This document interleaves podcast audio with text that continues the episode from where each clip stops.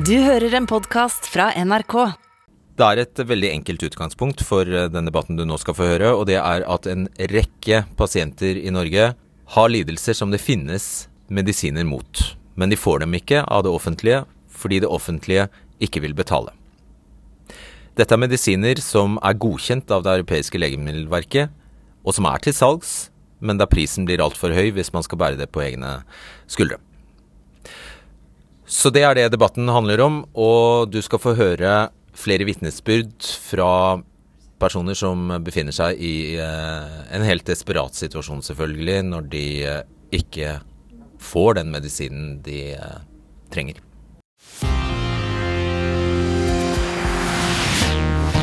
I Norge nektes pasienter medisin som kan gi dem noen flere leveår, et bedre liv, eller i det hele tatt å overleve. Pasienter dør i kø mens de venter på at ny behandling skal bli tatt i bruk. Og vit dette hvis du blir syk i verdens rikeste land. For å holde liv i deg i ett år kan du regne med, hvis du er heldig, at staten er villig til å punge ut rundt 825 000 kroner. Og de som bestemmer hvem som skal få leve eller dø, er fire toppbyråkrater som kalles Beslutningsforum. Vi har invitert dem hit for å opplyse oss om hva de driver med, men verken direktøren i Helse Nord, Cecilie Daa, direktøren i Helse Midt-Norge, Stig Arild Slørdal, direktøren i Helse Vest, Inger Katrine Bryne, eller direktøren i Helse Sør-Øst, Terje Rotfeldt, ville stille.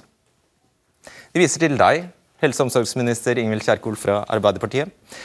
Også vel møtt til eh, Frp-leder Sylvi Listhaug, til Tone Wilhelmsen Trøen fra Høyre, Ingrid Stenstad Wold eh, Ross fra Kreftforeningen, Audun Hågå i Legemiddelverket og Karite Bekkemellem i legemiddelindustrien. Vel møtt til dere alle. Det finnes medisiner til salgs for alle de pasientene du skal få møte i debatten i kveld. Problemet er bare at medisinene er dyre, og at det norske helsevesenet ikke vil betale. God kveld til deg, Silje Morild Helland, med oss fra Arendal.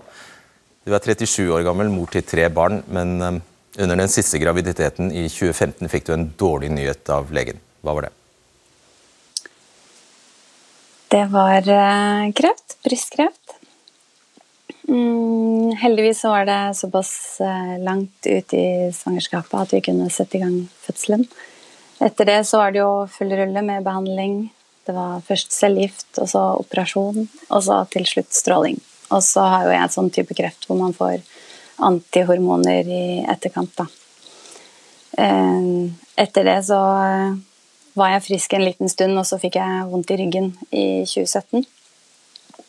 Eh, fikk diagnosen spredning sommeren 2018. Og etter det så har jeg levd som uhelbredelig kreftsyk. Det er altså ikke mulig å bli frisk av sykdommen din, men så Fins det likevel håp, for forskningen utvikler seg stadig, og bl.a. har man sett resultater, gode resultater av en type immunterapi og to nye medisintyper. De heter Tuxia og Enertu. Har du fått tilbud om dem? Nei, det har jeg ikke. Eh, nå er det jo sånn at eh, Enertu kan kjøpes privat. Vet du hva det koster? Å få en Hertu privat for en som eh, veier 74 kg, fordi det går på vekt, eh, koster ca. 85 000. Men eh, skal man da i tillegg få behandling ved privatklinikk, så blir det også ca. 20 000 per behandling. Og det er da altså behandling hver tredje uke. Så det blir rett i overkant av 100 000 for hver tredje uke. Mm. Uh bare bli der du er, eh, Silje, fordi vi skal bevege oss til Sverige og til Jönköping. Der er du eh, Eliza Madlykke. Du er tilfeldigvis også 37 år gammel. Du er mamma til to små barn, og i likhet med Silje har du brystkreft med spredning, altså samme sykdom. Men du har fått noe Silje ikke får, nemlig denne medisinen Enertu. Og du begynte på denne i januar. Hvordan er, eh, har resultatene vært så langt?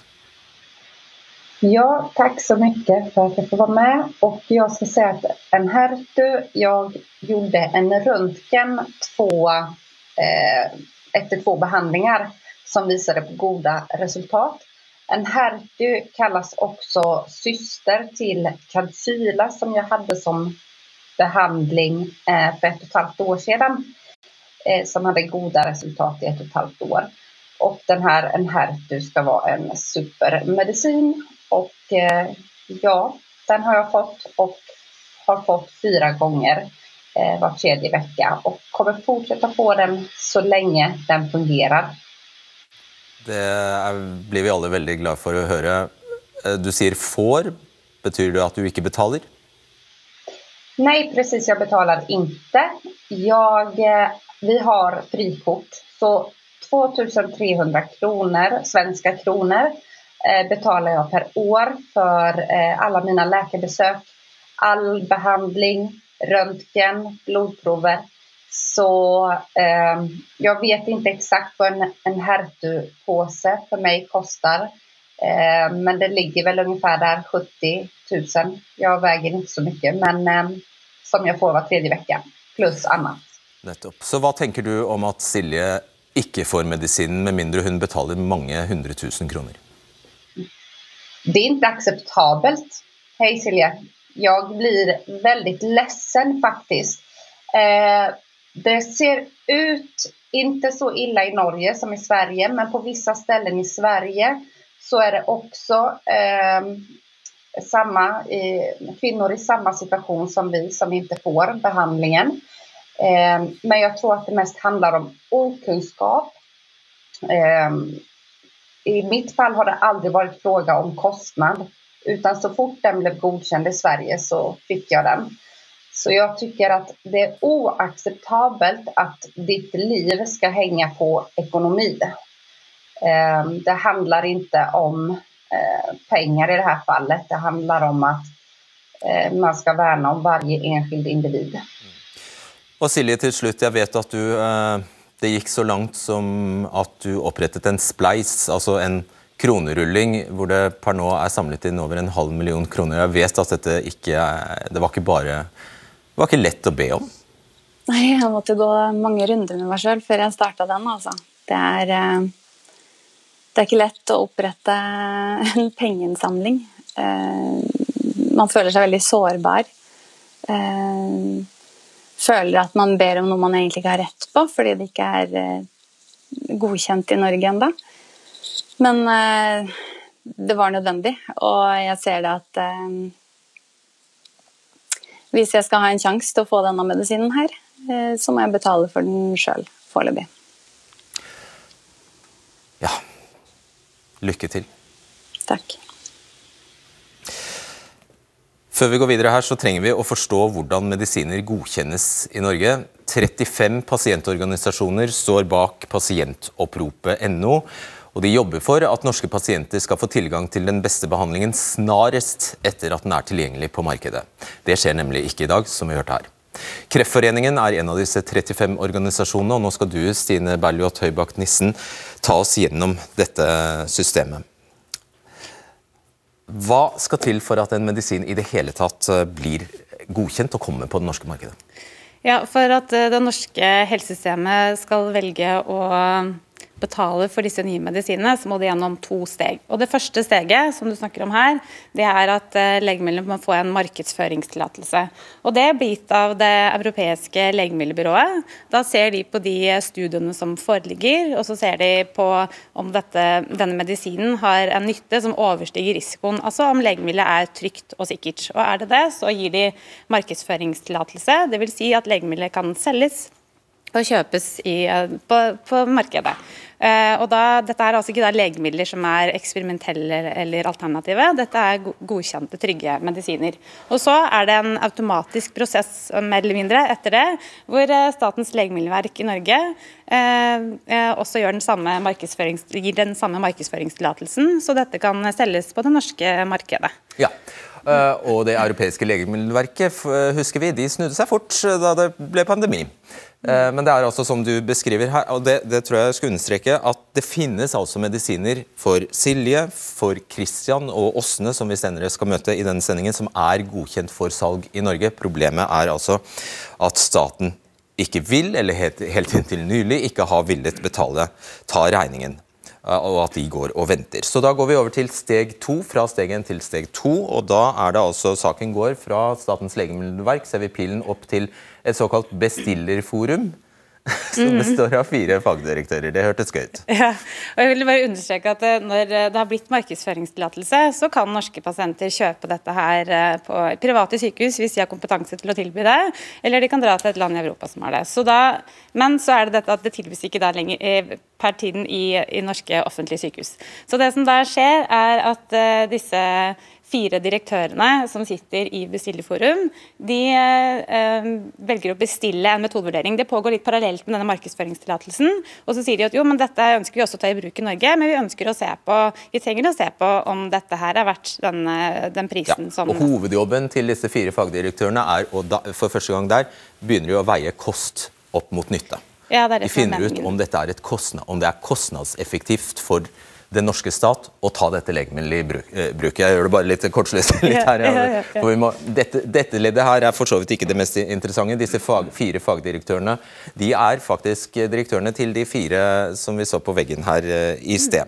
Mm. Og så sender da fagdirektørene faktisk saken tilbake, altså medisinen tilbake til Statens legemiddelverk for det du kaller en metodevurdering. Og Det er en annen del av Statens legemiddelverk som da ser på uh, disse um, De gjør en metodevurdering og ser på om uh, legemiddelet, dette nye legemiddelet, de ser på effekten av det nye og sammenligner det med effekten på den, det legemiddelet som disse pasientene får i dag. Og Den samme sammenligningen gjør de av kostnadene for dette nye legemiddelet som norske helsetjenester må bruke, sammenlignet med kostnadene som de gjør, har i dag på dette legemiddelet som brukes. Og Da kommer de fram til et regnestykke og de gjør også en vurdering av alvorligheten selvfølgelig som dette, denne sykdommen har. og Da kommer de fram til en eh, kostnad per kvalitetsjusterte leveår. Altså ja. hvor mye mer man skal betale for et ekstra godt leveår. Og Jeg nevnte det i innledningen her. Jeg sa 825 000 er den prislappen vi har i panna. Er det, er det sant? Eh, altså vi vet jo ikke den eksplisitte betalingsvilligheten til Norge. Men vi vet at eh, i prioriteringsmeldingen så er det noe som kalles for Magnussen-trappen, hvor eh, de har gjort en slags vurdering av hvor, hvor, mye Norge er villig til å betale hvis du har maksimal alvorlighet. Og Da er de bedt om å se hen til denne trappen når de gjør vurderinger. Og den ligger på et eller annet sted mellom 800 000 og 1 million. Sannsynligvis. Vi vet ikke sikkert. Ja. Og så tror jeg vi bare Så, først da, skjer prisforhandlingene. Så når Statens legemiddelverk gjør sin vurdering, så tar de utgangspunkt i en veldig høy pris, men etter det eh, så, så, skjer altså prisforhandlinger. Nå er vi på den blå, den blå pilleboksen her. Mm, mm. Og deretter, etter at prisforhandlingene er over, så sendes eh, medisinen videre til de fire eh, tilbake til de fire fagdirektørene, faktisk. Hva skjer da? Ja, nei, Da tar de og ser på denne blå pilleboksen som har eh, foregått der, og så gir de sin innstilling basert på det. Alt dette her bunner jo selvfølgelig i prioriteringsmeldingen og de prioriteringskriteriene som ligger til grunn der. sånn. Og Da eh, leverer de dette til Beslutningsforum, og det er altså de fire regionale, de fire regionale administrerende helsedirektørene som vi så på bildet her i stad. Så de bestemmer om hvilke medisiner Beslutningsforum tar, ja. gjør vedtakene om hvilke medisiner som skal bli få, som skal bli tillatt uh, refundert av det offentlige yes. i Norge. Som det offentlige skal betale for, ja. Mm. Ja, Så de styrer over liv og død. Det er, ikke, det er faktisk ingen overdrivelse å si det? Det er jo mer eller mindre det det i hvert fall legges opp til. Eh, det er jo lovfestet også, dette systemet. Og bare for å forstå, de er, de er faktisk ikke ansiktsløse, for vi så ansiktene deres siste, mm. men de er faktisk byråkrater. Ja. De er ikke folkevalgte i det hele tatt? Nei, det er det ikke. Og det, og det er heller ikke mulig å anke er det ikke mulig å anke? Nei, det er ingen ankemulighet når Beslutningsforum har sagt nei. Så, men det som skjer er at de gjerne sender det tilbake til nye prisforhandlinger eller venter på ny dokumentasjon, selvfølgelig. Mm. Ja. Takk skal du ha, Stine Bergljot uh, Høybakk Nissen. Og Hvis du vil se denne debatten forfra, da går du bare inn på NRK TV. Der ligger vi klare til å spilles av. Ifølge den europeiske legemiddelindustriens forening FPIA bruker norske myndigheter betraktelig lengre tid på å godkjenne medisiner enn land det er naturlig å sammenligne seg med. Det tar i snitt 414 dager, 414 dager, over et år, fra medisinen har vært gjennom godkjenningsprosessen til det europeiske legemiddelbyrået, til den tilbys pasienter av det offentlige i Norge. I England tar det 340 dager, Sverige bruker 261 dager, og i Danmark tar det bare 176 dager. Og så hører vi jo ofte i denne diskusjonen at det kommer så mange nye, dyre medisiner at det blir altfor dyrt for skattebetalerne. Vel, tallene, og disse er fra legemiddelindustrien, viser at Norge ikke bruker mer og mer penger på medisiner. Det er ikke det som skjer. Vi bruker ganske nøyaktig like mye på medisiner i dag som for ni år siden. 5,5% om lag av de totale helseutgiftene. Den blå kolonnen her. Ja, Ingvild Kjerkol. Hvorfor skjer det at uh, kreftpasienter som vi hørte om her, eh, ikke får medisinen sin? Det er fordi at nye terapier koster det mye for industrien å utvikle, og da setter de også en veldig høy inngangspris for at det skal tas i bruk. Jeg syns det mangler litt i fremstillinga fra rådgiveren i Kreftforeningen. Fordi at I Norge så har vi en eh, offentlig helsetjeneste som gjør at når en ny medisin blir tatt i bruk, så blir den tilgjengelig for alle. I Sverige det er regionene som beslutter det. Sånn at, uh, ja, Det forsto vi, for hun sa jo at ja. det faktisk varierte ja, ja. i Sverige. Mm. Og, og, Det betyr jo at det regnestykket ditt med dager, da er det den første pasienten i en region i Sverige man sammenligner med. Så vi har litt forskjellige eh, systemer.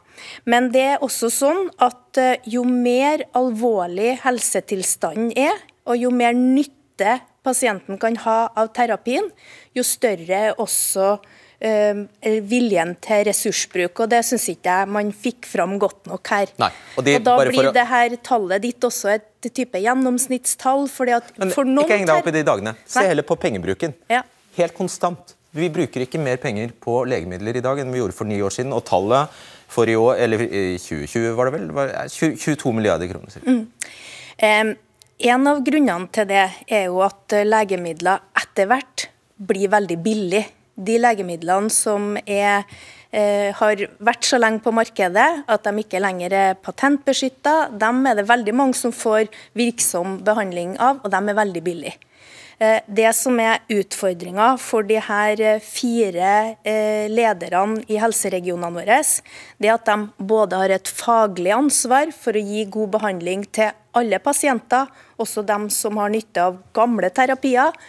Og så har de òg et ansvar for at eh, de bruker de ressursene Stortinget har bevilga. Er ansvaret til syvende og sist ditt? Det eh, håper jeg egentlig. Nei, ansvaret er til syvende og sist Stortinget sitt, som bevilger penger til sykehus. Godt parert. Det har du egentlig rett i. ja. og, dem, og, en demokratisk styrt helsetjeneste den må ha både kontroll på ressursene og ivareta alle. Syns det er greit som det, det er nå? Eh, vi har forplikta oss i vår regjeringsplattform på å få ned behandlingstida. Og det har vi starta jobben med. Ok, Ingrid Stensevold Ross, du er altså generalsekretær i Kreftforeningen, som altså er del av dette pasientoppropet. Hva er feil i det hun sier her? Ja, altså For det første så er det jo så eh, virkelig hjerteskjærende å høre Silje sin historie. For folk lider og dør mens de venter på at medisiner skal tas i bruk i Norge. Og det er faktisk ganske uforståelig hvorfor vi bruker så mye lengre tid på denne saksbehandlingen.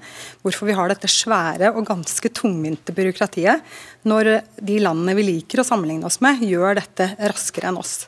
Sånn at eh, Vi holder ikke dette ut lenger, og det er derfor dette pasientoppropet har kommet. Eh, fordi at eh, pasientene tåler ikke denne ventetiden noe mer.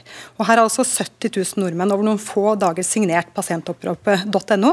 og Det sier noe om kraften i, denne, i dette folkebrølet. Vi kan ikke ha det sånn lenger. Karita Bekkemellem, vi kjenner deg som administrerende direktør i Legemiddelverket. Nå er du konstituert direktør for ja, jeg vet ikke hvordan jeg skal uttale det engang. NHO Geneo? Er det, er det virkelig? Ja. ok, greit. Som lege, legemiddel i, i, Sa jeg Legemiddelverket? Vet du hva det skulle si? Ja, det sa jeg. Det beklager jeg veldig. Legemiddelindustrien. Um, ja, der var jeg litt for kjepphøy. Glem det. hva sier du til det? Egentlig så er det jo du som får passe påskrevet av Kjerkol. Nå er det jo slik at dette er et system som ikke fungerer. Og For første gang så har vi fått en uavhengig rapport, Proba-rapporten, uavhengig av hva Kreftforeninga og industrien måtte mene, som viser at når dette systemet vi har som beslutningsgrunnlag ikke fungerer godt nok. Og Nå har det gått seks måneder siden Proba-rapporten ble levert, og vi ser ingen konkrete tiltak til forbedring. Vi ser ingen initiativ til dialog, til samhandling. Vi har kommet med konkrete forslag til forbedring til systemet. Men vi ser ingen politisk ledelse som tar tak i det. Og Er det noe helsepolitikken i framtida skal handle om, så er det å redde liv. Og Er du uheldig i Norge og får en sjelden sykdom eller får en alvorlig kreftdiagnose, så har du en prislapp på det. Og nå har vi strømkrise, vi har en pandemi. Det står ikke på penger. Men på dette feltet her så er det en kost-nytte-debatt der vi ser på gamle metoder for vurdering av legemidler, og ikke tar høyde for de nye innovasjonene. Du skal få svare straks. Sylvi Listhaug, dere har fremmet, leder i Fremskrittspartiet, dere har fremmet et forslag om å gi raskere medisiner, eller medisiner raskere, heter det sikkert, norske, til norske pasienter. Hvordan skal det gå til? Det er å se på Danmark, for der er det altså ikke helsedirektørene, bukken som passer havresekken, men det er pasienter, det er farmasøyter, det er helseøkonomer og det er sykehusleger som sitter og gjør vurderingene. Da ser vi at det går veldig mye raskere. og det som eh, Jeg synes er det verste oppi det hele. altså Jeg treffer mange pasienter, og det er helt hjerteskjærende historie. Men det aller verste synes jeg er det klasseskillet som nå er i ferd med å vokse fram i helsevesenet. Mellom de som kan betale privat for medisiner til flere hundre tusen kroner måneden, og vanlige folk som ikke har den muligheten. Silje her, hun starta Spleis. Eh, mange andre er aldeles fortvila.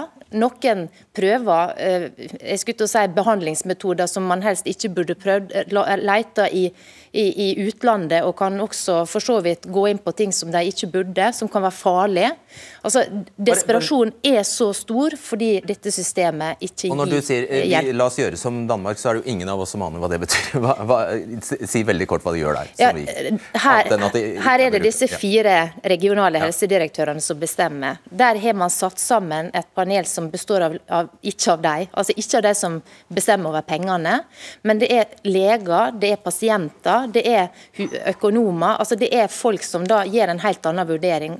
Og det vi ser er at De legger mindre vekt på pris og mer vekt på å hjelpe pasientene. Eh, og jeg synes ikke Vi, vi kan ikke nå utrede og se an situasjonen nøye, som vi hører fra regjeringa hele tida. Nå må vi handle fordi at pasienter dør. Ok, Du får svare kjapt. Veldig kjapt. Vi, den Evalueringa er jeg veldig glad for at vi har fått. Jeg har vært med og foreslått det i Stortinget. Det var da dette systemet ble eh, lovfesta. Da var Listhaug statsråd i det departementet jeg er statsråd i nå.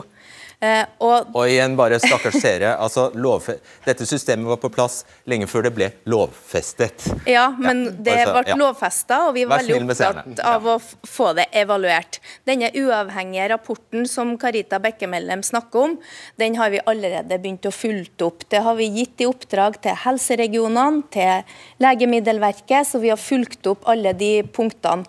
Jeg var på mottagelsen av den rapporten, og alle var enige om at vi har et system. vi må videreutvikle.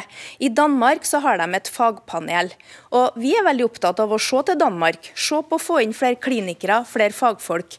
Men de gir en anbefaling. Og så er det helseregionene som tar beslutning om å ta inn medisin og gi det til pasientene i Danmark. Det er jo det hun syns er feil, da. Vi skal komme ja, Men i Norge så får alle pasientene fra Lindesnes til Nordkapp får tilgang samtidig, så det må du få fram.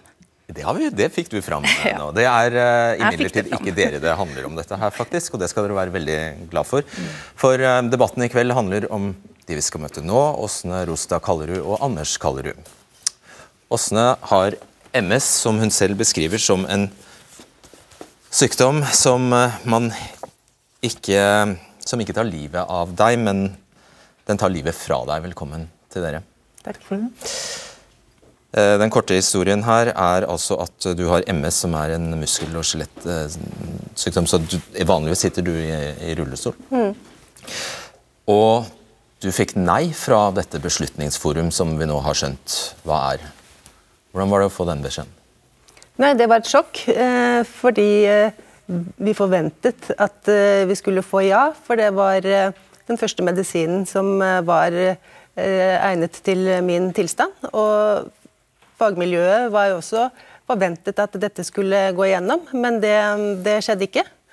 Så da måtte vi jo bare begynne å eh, se oss om for å finne andre løsninger. For at eh, jeg må, måtte ha den medisinen, det var jeg helt uh, sikker på. For at det funket ikke den uh, medisinen som jeg hadde fått tidligere. Og Da henvendte dere dere til Aleris, altså det private eh, helseforetaket eh, Aleris. Dere betalte 325 000 kroner over halvannet år, har jeg skjønt. Eh, også dere satte i gang en spleis. altså en innsamling. hva skjedde deretter? Det var jo sånn at... Fordi det fungerte jo? Ja, det fungerte, og det var vi jo veldig glad for. For Åsen hadde jo da stått på et medikament i et år for å teste ut noe som Beslutningsforum mente at hun skulle bruke istedenfor det dokumenterte, effektive og sikre medikamentet, og det hadde ingen effekt. Hun fortsatte å bli uh, bare dårligere mens hun uh, gikk på, på, dette alternative medikamentet off-label, som det heter. Sånn at i løpet av det året hun sto på det medikamentet, så fikk hun så kraftig forverring av gangfunksjonen at hun ble helt lenka til rullestolen og, er nå avhengig av å sitte i rullestol hele tiden. Men straks hvor vi kom i gang med behandlingen da på Aleris med dette eh, nye medikamentet som er dokumentert effektivt og sikkert eh, for eh, Åsnes primær progressiv MS, så eh, begynte det å, å, skje forandringer. For det første så eh, opplevde hun da at det ikke ble noen forverring eh, av funksjonaliteten. Det, det stoppa rett og slett helt opp. og i tillegg så opplevde hun også det at Eh, utfordringen med fatigue, eh, altså utmattethet, eh, som rammer veldig mange MS-pasienter, det ble etter hvert mye bedre. Og dette, denne erfaringen, det at etter å ha fått nei fra Beslutningsforum og et, en så positiv overraskelse for, på behandlingen dere fikk hos Aleris, den, den, etter det så tar du igjen kontakt med det offentlige sykehuset for å fortelle, det, fortelle om glade nyheten, egentlig. Ja. Men da starter det egentlig en veldig vond prosess? Det blei jo litt utfordrende. Det eh, det, det, det, som skjedde etter at vi hadde eh, hatt halvannet år med behandling for oss i det private, var jo da at vi formelt overrekte en eh, anmodning om eh, at hun skulle få denne behandlingen. Ja, for Da kunne du på en måte bevise at den fungerte? Ja, så Det var en viktig del i denne anmodningen at vi da kunne legge med denne dokumentasjonen på at det faktisk fungerte også for Åsne. Selv om da medikamentet fikk markedsføringstillatelse i 2018, så hadde jo allerede eh, produsenten da eh, dokumentert at eh, medikamentet er eh, effektivt og sikkert. Ja, og Det ender da med at eh, sykehuset faktisk gjør et unntak. Og det er altså mulig. Sykehuset kan selv gjøre et eh, unntak, og du fikk etter hvert medisinen fra det offentlige. Hvordan var det? Ja, Det var jo fantastisk. Da følte jeg meg jo veldig ivaretatt og ble litt sånn tryggere på fremtiden, rett og slett. Og eh, det var eh, jo en kamp. Eh, som vi hadde vunnet. Så det var jo eh, veldig, veldig bra.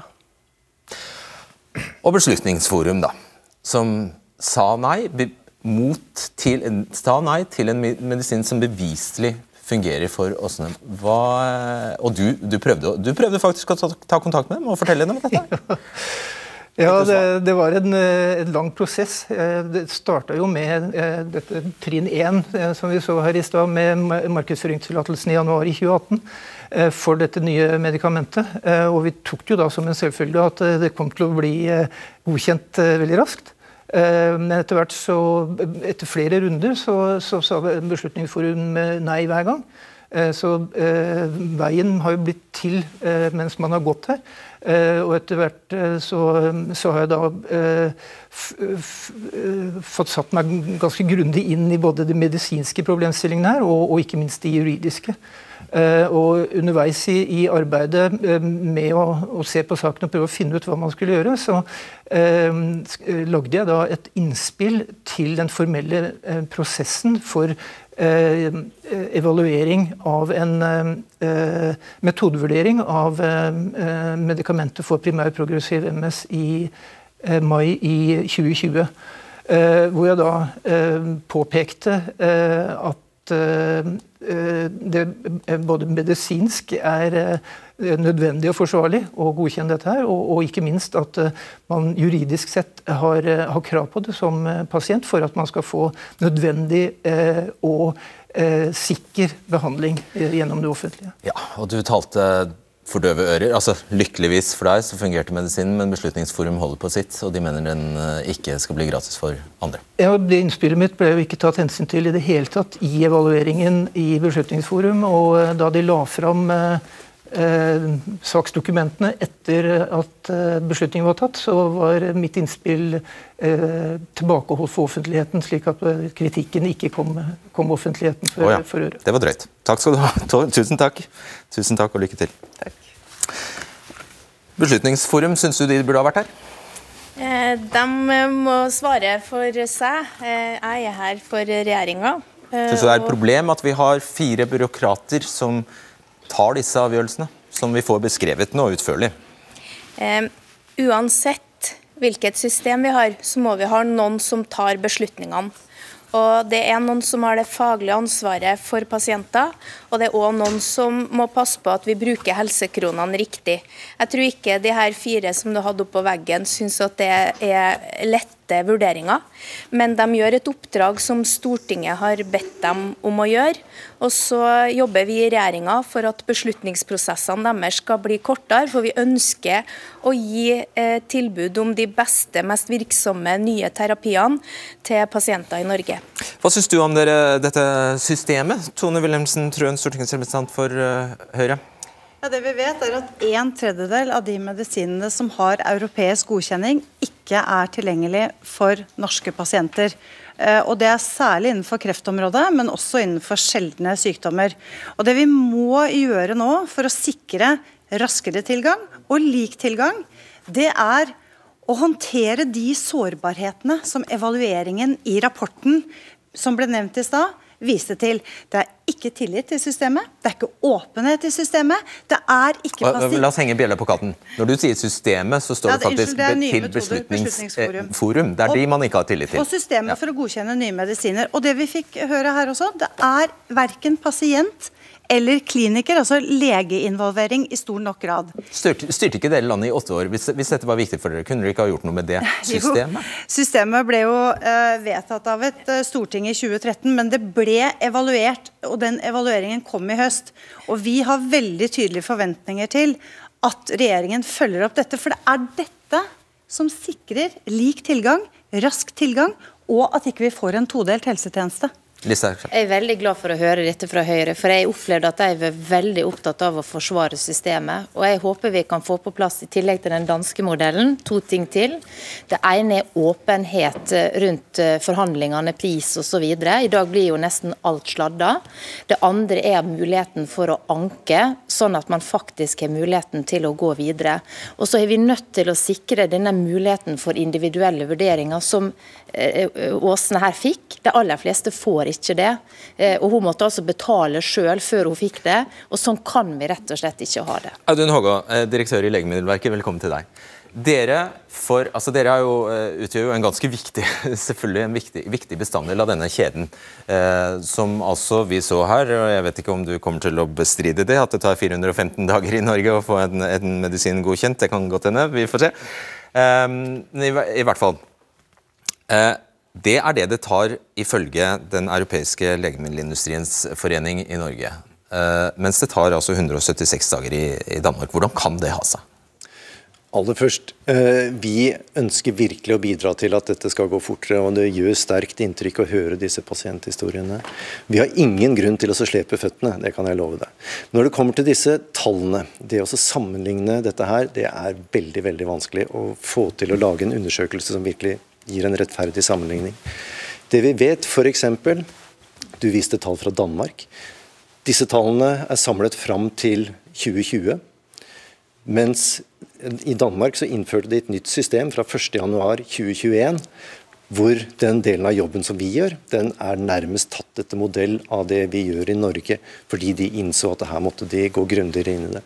Eh, De har nok en intensjon om å gjøre det fortere enn det vi klarer. Men så er vi veldig spente på å se hvordan det blir i virkeligheten. Ok. Vet du hva? Vi, vi, ingen av oss har forutsetninger for å vite om det, om det du sier stemmer, om, om, om, danske, om denne tellingen er gjort på de tidspunktene du, du sikter til. Det får egentlig seerne sjekke selv, tror jeg. Vet du hva? Eh, uansett om det er 180 eller om det er 400, 400 dager, historiene som dette her dukker altså opp. Lever dere godt med det? Vi ønsker selvfølgelig å være med på å gjøre dette her kortere. Men husk, det er ikke, vi er en del av en kjede her. Eh, hvis vi ser eh, på hva det tar av tid fra vi ber industrien om dokumentasjon, for vi er nødt til å ha dokumentasjonen fra industrien, og til det er et vedtak, så tar det drøyt 600 dager. Av de 600 så venter vi på industrien i mer enn halvparten av de dagene. Så det er så du skylder på Karita Bekkemellem? Mer, altså halvparten, mer enn halvparten. Vår andel av denne det er ca. 200 dager. Og den ønsker vi selvfølgelig å gjøre noe med. Men det er, det er, det er flere ledd i denne kjeden eh, som må bidra, og så skal vi ta tak i vår bit. Svar kort på ja. Vi har et system som kneler. Vi har en fagetat som ikke leverer. Og vi har så mye dokumentasjon. Det tar faktisk seks måneder før våre selskap får muligheten til å få en saksbehandler. Deres ansatte går sjøl ut og sier at dere ikke klarer å levere på den kvaliteten metodevurderinga som skal gjøres. Og så har jeg lyst til å stille et spørsmål. Hva er forskjellen på pasienter i Norge knytta til pasienter i våre naboland Sverige og Danmark. Og Kanskje bør det være et politisk initiativ da, at vi støtter oss på beslutningene som Statens legemiddelverk gjør. Du må ikke fortsette å snakke hvis du stiller et spørsmål, Karita Bekken. Ja, men, men, vi bør kanskje støtte oss på det myndighetene i Sverige og Danmark gjør. Hva er forskjellen på norske pasienter opp mot det danske? Jeg kjenner ikke igjen disse påstandene om at vi ikke klarer å levere, og at vi leverer med dårlig kvalitet, eh, Karita. Vi produserte i fjor mer enn vi noensinne har produsert. Vi klarer nå å jobbe med en effektivisering uten at produksjonen går ned. Og jeg har ikke hørt noen klager fra Beslutningsforum på at det er for dårlig kvalitet. Men Audun, all den dialogen som er mellom Statens legemiddelverk og våre selskap, alle møteplassene vi har hatt, alle forslagene til forbedring vi har kommet med, du kan ikke forsvare system som ikke er bærekraftig, som vi har uavhengige rapporter på å ikke levere, der, der kontra våre naboland. Der knipper jeg dere. Der jeg. Dette er begrenset interessant for, for oss andre, faktisk. Kristian eh, Lawley, velkommen til deg. Du har cystisk eh, fibrose. Det er en uh, arvelig medfødt sykdom som svekker lungene. Uh, noe av årsaken til at vi står her i kveld, er faktisk at det kom en stor nyhet på mandag om at medisinen Kaftrio er godkjent for bruk i Norge mot CF. Hvordan var det Hvor lenge har du ventet? Ja, hvor lenge man har ventet på dette. Man har drømt om det i Jeg har hatt diagnosen i 34 år. Så det har man drømt om. Men man hørte jo om denne medisinen for tre-fire år siden. Og eh, så til Danmark når det ble godkjent. Så da var man veldig optimistisk at dette skulle være ja, rett etterpå. Mm. Hvordan er det å leve med den sykdommen? Å ha CF er som å drukne i ditt eget slim. Skal eh, fysisk, altså funksjonsfriske sammenligne hvordan det vil være, så er det som å gå opp en bakke fort, puste gjennom et sugerør, og så siste del av bakken så prøver du å løpe, mens du fortsatt puster gjennom et sugerør. Og hva gjør medisinen? Gjør oss friske, nesten. Er det sant? Altså, ja. Uh, du, mens du gikk og ventet på medisin, så gikk du på store doser antibiotika. Hva gjorde det med kroppen?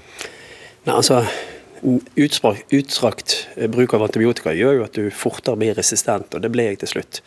Jeg brukte antibiotika hver tredje måned i godt over 20 år. Så De siste to årene så har jeg eh, opparbeidet meg mer og mer resistens, og i fjor så fikk jeg beskjed at nå er det egentlig ingenting vi kan gjøre. Vi kan gi deg og håpe på at det gir noen prosent effekt, men det er minimalt.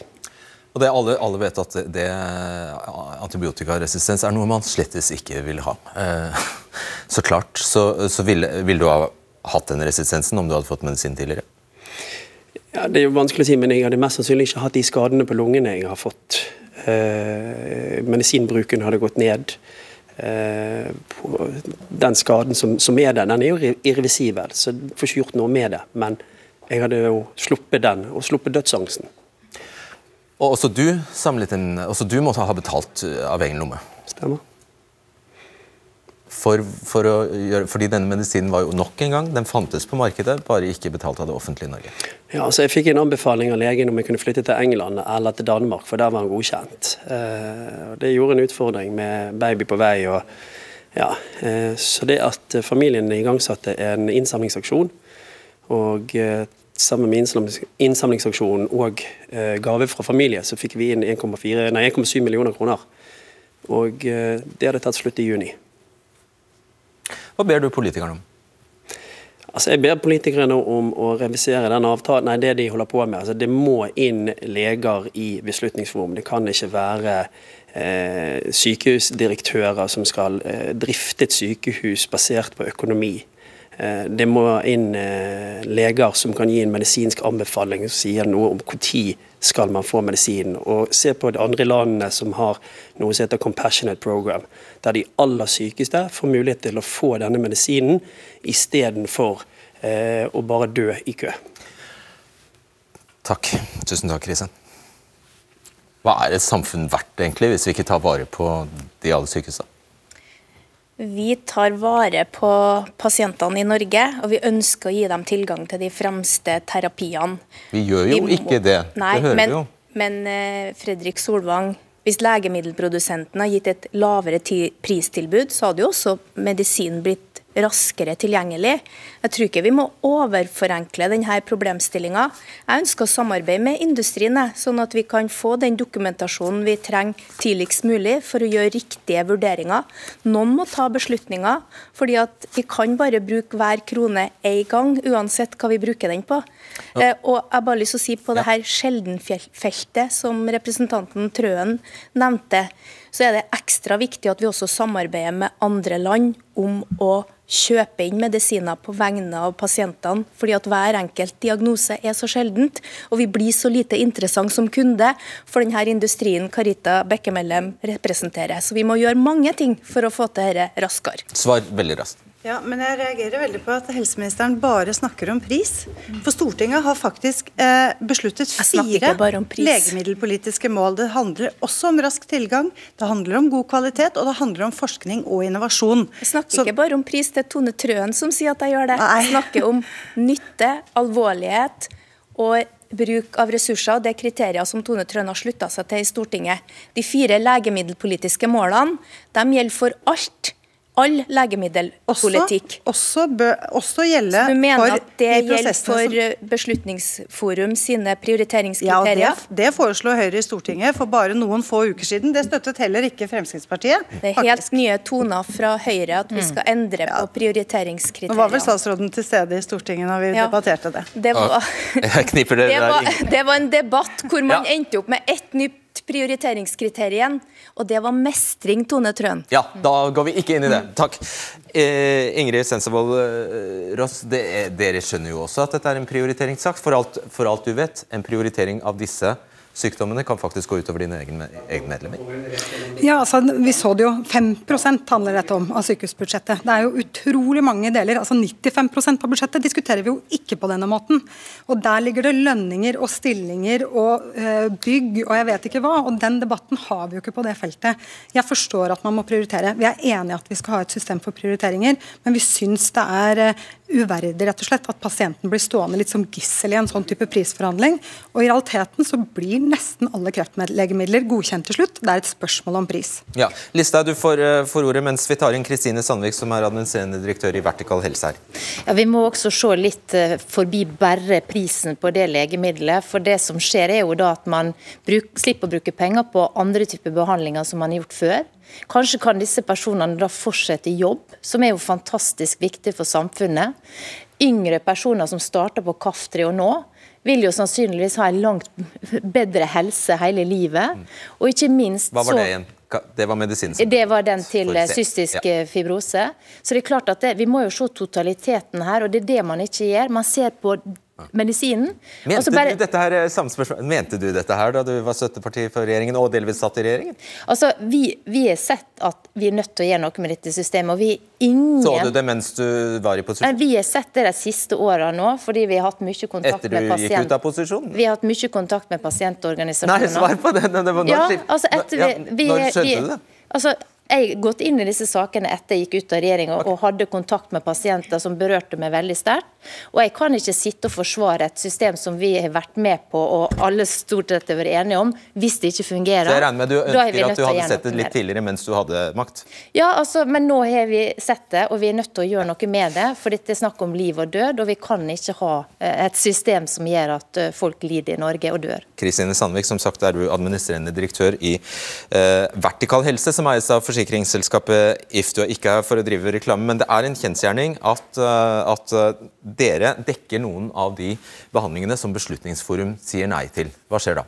Eh, nei, Vi kommer inn litt tidligere enn hele den lange prosessen. Når det er godkjent, det er EMA godkjent og Legemiddelverket har godkjent det, eh, og de legene vi samarbeider med sier at eh, her kan det være en effekt for pasienten, gjerne gjennom gentesting og persontilpassa behandling. Gentesting? Ja, For å finne den riktige persontilpassa medisin for disse pasientgruppene.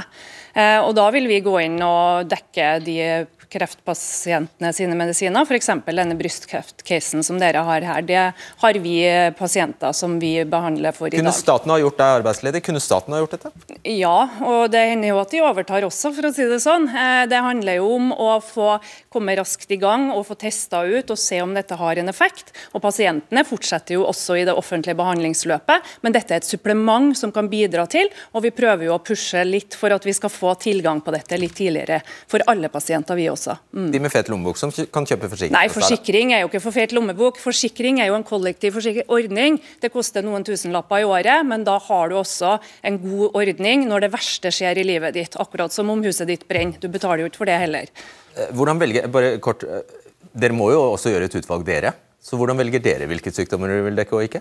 Nei, Vi må jo se på de studiene som foreligger. Og så har vi et veldig godt nettverk av leger i Norge, både offentlig og privat, som er godt inne i den forskninga som foreligger. Men det vil jo være sånn med disse mer persontilpassa medisinene at du kanskje ikke har sånne store massestudier. Og da kan det være dette å ta en gentest, det å prøve ut nye medisiner og se hva som passer til din krefttype.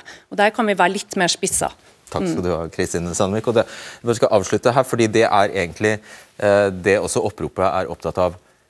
Når det er så få, eh, og når det ofte og det, det kommer mange eh, flere medisiner, og det er så få i pasientgruppa, så kan man kanskje ikke holde på sånn som man har gjort tidligere, og vente og se til man har eh, kan ta mange år før man ser resultater.